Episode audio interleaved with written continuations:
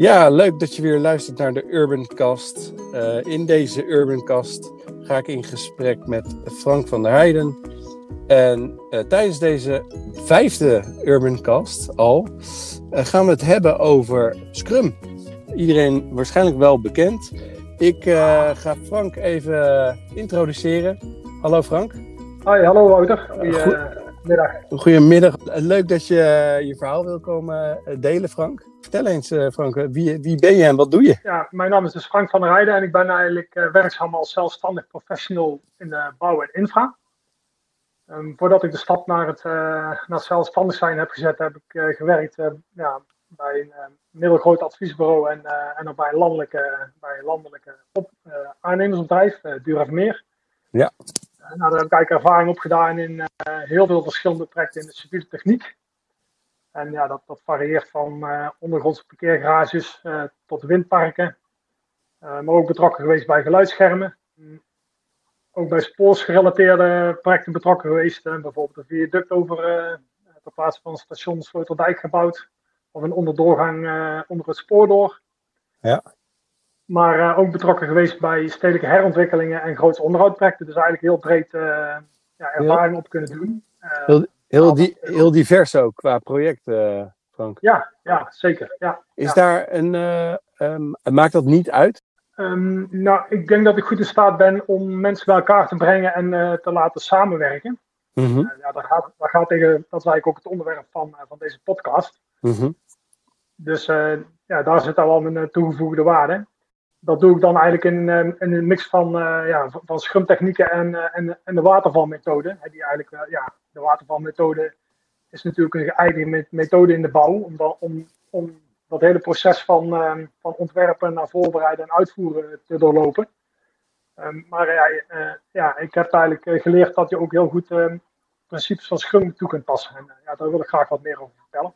Ja, hey Frank, we hebben in de derde Urbancast hebben wij uh, uh, David Becking aan het woord gehad. En die had het ook over uh, hè, de juiste partijen bij elkaar brengen. zeker vanaf het begin. En hoe zorg jij daar eigenlijk voor? Heb je ervoor gezorgd dat je de juiste kennis, dat de juiste kennis op het juiste moment wordt ingebracht door al die verschillende partijen? In, onze branche, wat ik net zei, kan het eigenlijk bijna niet anders dat je van, van een schetsontwerp naar een voorlopig ontwerp, naar een definitief ontwerp en uiteindelijk naar een uitvoeringsontwerp gaat om ja, om het hele project goed voor te bereiden. Ja. Um, um, ja, we, uh, we hebben één keer de kans om een project uh, goed te bouwen, zeg maar. En uh, uiteindelijk bouw je elke keer een soort van prototype. Dus dat proces is, en, en daarnaast zijn het vaak complexe processen met heel veel betrokken partijen. En dat je ook nog eens de omgeving moet informeren. in, met stakeholders in gesprek. En ja, zoals ik het zie, uh, is eigenlijk dat je als je aan de slag gaat in de ene fase, hè, bijvoorbeeld de, de schetsontwerpfase, dat je op dat moment al de partij die in, in de volgende fase, dus bijvoorbeeld het voorlopige ontwerpfase, dat die al bij uh, de schetsontwerpfase betrokken raakt. In de ene fase is de, vaak de ene partij uh, de karttrekker. Mm -hmm. En dan gaat die karttrekkende rol in de volgende fase naar een, naar een andere partij. Dus die, die, dat je dat elke keer al wat naar voren trekt. Geldt dat voor alle projecten of zijn dat meer de grote uh, complexe bouwprojecten? Nou, feitelijk kun je dat voor alle projecten wel toepassen. Alleen ik denk dat het voor, uh, voor de grote projecten wel uh, zinvoller is om die methodiek te gebruiken. Ja. ja. Kijk, in een SO-fase is het vaak de architect of de ruimtelijk ontwerp die de leidende rol heeft. Ja, mm -hmm. en dat is natuurlijk vaak in de schetsontwerpfase zit vaak in een creatief proces. En dan wil je eigenlijk ook dat er ruimte en vrijheid is uh, om tot een ontwerp te komen. En je wil eigenlijk ook niet te veel in beperkingen denken van wat er niet mogelijk is, want dat, ja, dat komt de creativiteit niet ten goede. Ja. Ik denk wel dat het als je in die fase zit met een ontwerp, uh, dat, dat het verstandig is om alvast het ingenieursbureau of de constructeur mee te laten kijken. dat het niet helemaal de bocht uitvliegt, maar dat het een schetsontwerp was, wat wordt, wat in ieder geval maakbaar is. als die schetsontwerpfase afgerond, dan heb je eigenlijk met, met elkaar de kaders bepaald met name vanuit architectonisch oogpunt of uh, uh, vanuit de ruimtelijke oogpunt heb je een ontwerp liggen wat, waarvan je in de basis zegt dat is maakbaar. Vervolgens ga je eigenlijk de, de voorlopige ontwerpfase in. Um, en dan, zou het al goed, dan is het goed om met, uiteindelijk met de stakeholders en de beheerders en de gebruikers in gesprek te gaan, hè, zodat dat architectonisch ontwerp verder uit gaat werken, maar dat het wel voldoet aan de wensen, eisen en verwachtingen van eh, ja, de beheerder, eh, de gebruikers, eh, de klanten, zeg maar. Ja. Dan, is het goed om die erin te betrekken, want dan kun je die eisen die zij dan stellen, kun je ja, vertalen in, in de eerste technische uitwerking van je, van je ontwerp.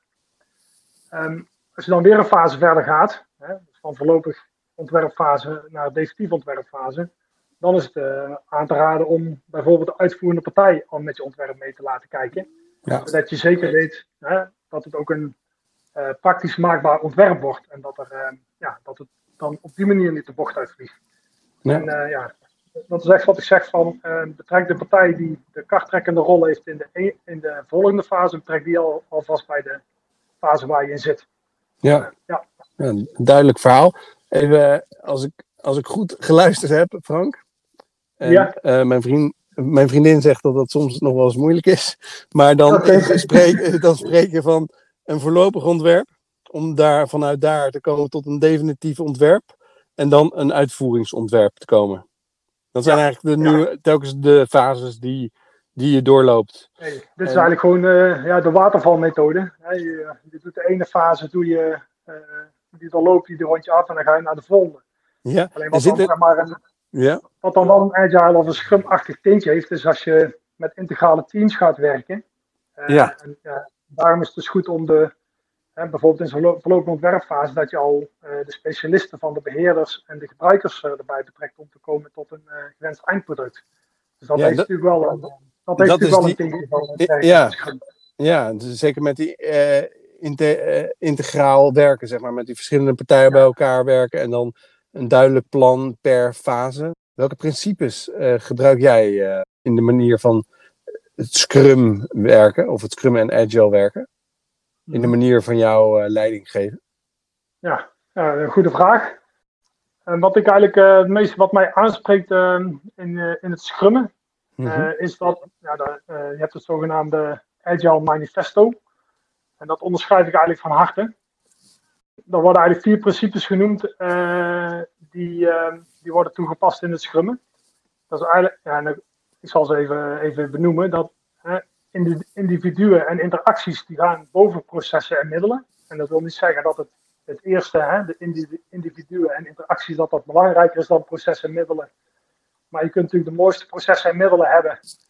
Eh, maar als mensen niet goed met elkaar samenwerken of kunnen samenwerken, dan, ja, dan komen die processen en die middelen ook niet tot zijn recht. Dus het spreekt mij heel erg aan eh, dat je dus richt op samenwerking van individuen om te komen tot, eh, tot goede prestaties en de Ja. interactie daar dus te bevorderen.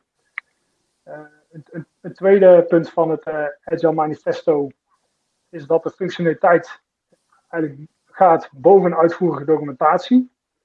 En ja, dat, dat, dat kun je zien. ja, je kunt de, de dikste werkplannen schrijven of de, uitgebreid vastleggen van eh, hoe iets eh, tot stand moet komen. Mhm. Maar eh, het moet uiteindelijk wel gewoon functioneel zijn. Ik heb zelf eigenlijk altijd ervaring opgedaan in de bouwpraktijk die ik heb gedaan. Dat, dat waren over het algemeen toch samenwerkingsverbanden of, eh, of bouwteamverbanden of open samenwerkingen. Ja, Eh, en ja, derde, het derde punt eh, uit het manifesto is dat samenwerking boven contractonderhandelingen gaat. Ja, dat spreekt mij ook aan, want ehm, ja, door, samen, door samenwerking boven het contract te stellen, ben ik ervan overtuigd dat dat je verder brengt en tot grotere prestaties leidt. In plaats van dat je met je contract in de hand partijen eh, laat samenwerken. Daarom Ja. die samenwerking boven contractonderhandelingen. Ja.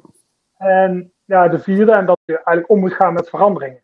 En omgaan met verandering, dat dat eh, wordt gesteld boven het volgen van het plan. En dat zijn eigenlijk vier zaken die mij eh, erg aanspreken in, in, het, eh, in het agile werken. Ja, Ik ben er ook van overtuigd dat, ehm, dat je dit overal toe kunt passen.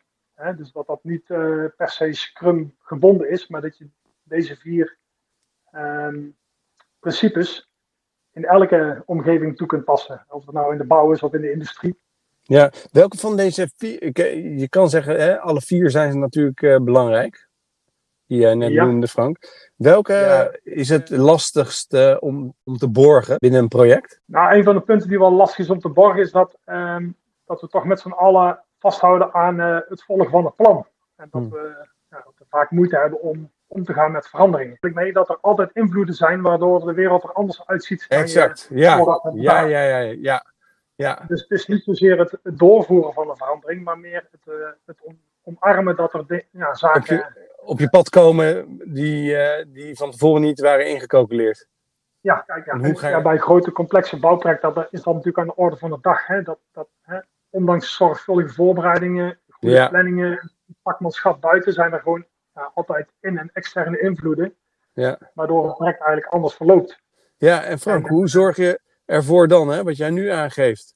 Eh, want daar, eh, daar trigger je me mee. Hoe zorg je er dan Mhm. voor, wat je net zegt, bij grote complexe bouwprojecten, er komen natuurlijk dingen die je vooraf niet hebt ingecalculeerd, die komen op je pad. En hoe zorg je er dan voor dat alle betrokkenen eh, toch eh, de juiste dingen oppakken en op tijd ook? Want je ziet dat heel vaak natuurlijk bij het bouwproject meer tijd kosten en het is altijd boven budget. Heb jij daar ervaring mee, Frank? Zorg je ervoor dat alle betrokkenen de juiste dingen tijdig oppakken? Ja, nou bij het project eh, waar ik dan nu be- betrokken ben, dat is een eh, grote ontwikkelingslocatie in, eh, in Amsterdam-Oost. Ehm, daar hebben we eigenlijk eh het principe van de strategische mijlpalen geïntroduceerd. Oké. Dus ehm, het is een hele grote ontwikkelingslocatie. Ehm, eh, er komen vastgoedontwikkelingen. eh, we zorgen daar zelf voor de voorbereiding en uitvoering van de, van de infrastructurele werkzaamheden.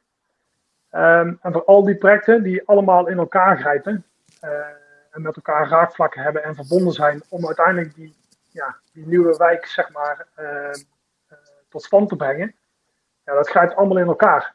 Ja. Ehm, dus we hebben daar het principe van de strategische mijlpalen geïntroduceerd. En met een ja, strategische mijlpaal bedoel ik dat je eh, voor de deelprojecten die daar spelen eigenlijk vastlegt van nou ja, waar, hè, wanneer verwacht ik nu dat mijn VO gereed is, wanneer verwacht ik dat mijn DO gereed is, wanneer verwacht ik dat, ehm, dat ik kan starten met, eh, met de uitvoering van een, eh, van van de deelprojecten. Ehm, eh, wanneer is de ene discipline klaar ehm, en dat de andere kan beginnen. Hè? Dus dat, dat zijn eigenlijk overdrachtsmomenten, dus dat is een voorbeeld van een strategische mijlpaal. Dus die hebben we allemaal voor een periode van het komende anderhalf jaar in beeld gebracht. En elke vier weken ja, rapporteren we met het hele team van nou, ehm, waar lopen we nog in de pas en waar ehm, wijken we af van die vastgestelde mijlpalen. Mhm. En, ehm, doordat je die, die kennis met elkaar deelt, Ja, eh, ja. en een van de deelprojecten die om wat voor reden ook, die komen bijvoorbeeld twee maanden in de vertraging, dan weet je met z'n allen van hé, hey, dan moeten we nu even met z'n allen eh, een beetje meer naar, hè, naar links lopen om Ja. de juiste dingen te doen. En, eh, twee, eh, en dat doen we eigenlijk in vaste cycli van vier weken. ja. Elke vier weken prioriteren we opnieuw van wat op dat moment belangrijk is om, eh, ja, om op die manier eigenlijk wendbaar te zijn. ja. Hoe, ziet- eh, hoe, zie- hoe ziet zo'n team eruit, Frank? Ja, het team waar ik in functioneer, dat we hebben een IPM-team. Mhm. Ehm, en daaronder eh, hebben we zeven projectleiders. Dat zijn dan de technische projectleiders. die uiteindelijk de projecten van A tot Z eigenlijk ehm, tot een goed einde brengen. Ja. En eh, eh, met, met het IPM-team eh, zorgen we dan voor dat die strategische mijlpalen overzichten up-to-date zijn. Dat doen we ook samen met de projectleiders natuurlijk. Ja. Maar hier, bij het project waar we nu betrokken zijn, er zijn ook heel veel externe, externe partijen betrokken, omdat die vastgoedontwikkelingen, dat zijn eigenlijk private initiatieven. En de, de gemeente Amsterdam die faciliteert dat. Die externe partijen maken dan geen onderdeel uit van ons interne team. Nee. Maar die hebben vaak wel een eh, hele belangrijke, eh, in een mijlpaal bijvoorbeeld, dat startbouw Ja. ja, zomaar even drie maanden naar achter gaat, door wat voor reden dan ook, weet je wel. Ja, dat lijkt me ook wel een, eh, een uitdaging voor jou, eh, Frank, om eh, de individuele belangen te overzien en mhm. in te schatten natuurlijk. Van ieders belang is, een, eh, ja, is toch een ander belang. En ook weer hetzelfde Mhm. belang, want iedereen wil wel dat het er gaat komen.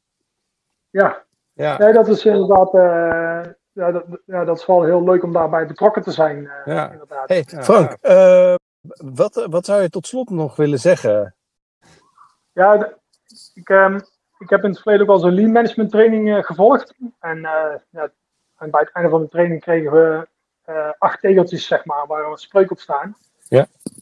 een van die tegeltjes, en de, de spreuken lijkt hoe korter de tijd, hoe groter het profijt. Dat vind ik eigenlijk wel een link hebben met het, het werken voor Scrum. Want ehm, ja, het werken voor Scrum, in mijn beleving, is dat je duidelijke doelen stelt. dat je daardoor, dat je dan vervolgens jezelf focust met z'n allen op dat doel. Ja. En er keihard aan de slag gaat om dat doel te behalen. Um, en als je dat doet, en je doet dat op een goede manier, hè, de doelen inzichtelijk maken, focussen. En je rondt het dan uh, ja, ook adequaat af. Dan, ja, dan geef je eigenlijk invulling aan die, aan die spreuk van hoe korter de tijd, hoe groter het profijt. Want door dat focussen zal de doorlooptijd eigenlijk verkorten van een proces. Ja. En uh, heb je daar met z'n allen profijt van. Hè? Dus, dat, dat, uh, dus dat vind ik eigenlijk wel een mooie link uh, weer tussen het lean management en, en in dit geval Scrum. Dat, ja, dat je eigenlijk dat je dingen waarmee je hetzelfde doet op, ja, op meerdere wijzen kunt, kunt uitspreken eigenlijk. Ja, ja, ja mooi, mooi Zeker een mooie tegeltjeswijsheid. Ik wil je hartelijk bedanken, Frank. Duidelijk verhaal en uh, succes bij, uh, bij het project in Amsterdam. Ja, dankjewel uh, Wouter voor de gelegenheid. Dit was de vijfde Urbancast alweer. En volgende, ja. volgende maand volgt een nieuwe. Ja, jij veel succes en ook bedankt voor, je, ja. voor de gelegenheid. Hey, fijne dag verder, Frank. Ja, Hoi. ook zo Wouter. Hoi. Hoi.